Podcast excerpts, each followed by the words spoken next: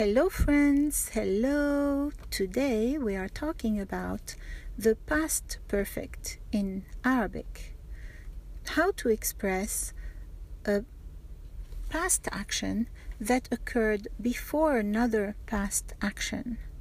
Well, we use the particle qad, like this. I'll give you my favorite sentence first. Listen, it's my favorite sentence. عندما وصلت إلى البيت كان زوجي قد طبخ العشاء. Do you know what that means? عندما وصلت إلى البيت كان زوجي قد طبخ العشاء.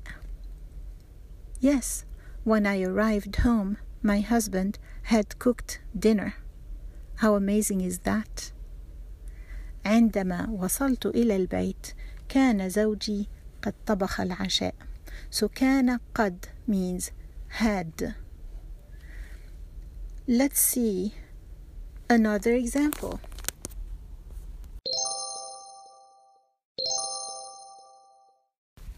عند التقاعد كانت قد عملت في هذه الشركة ثلاثين سنة. What does this mean? عند التقاعد كانت قد عملت في هذه الشركة ثلاثين سنة.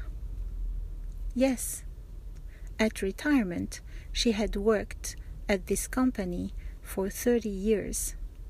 عند التقاعد كانت قد عملت في هذه الشركة ثلاثين سنة. And here's a third example. عندما خرجوا للعشاء كانوا قد أكملوا كل واجباتهم المنزلية. What does this sentence mean? عندما خرجوا للعشاء كانوا قد أكملوا كل واجباتهم المنزلية. Yes, when they went out to dinner, they had finished all their school homework. عندما خرجوا للعشاء كانوا قد أكملوا كل واجباتهم المنزلية.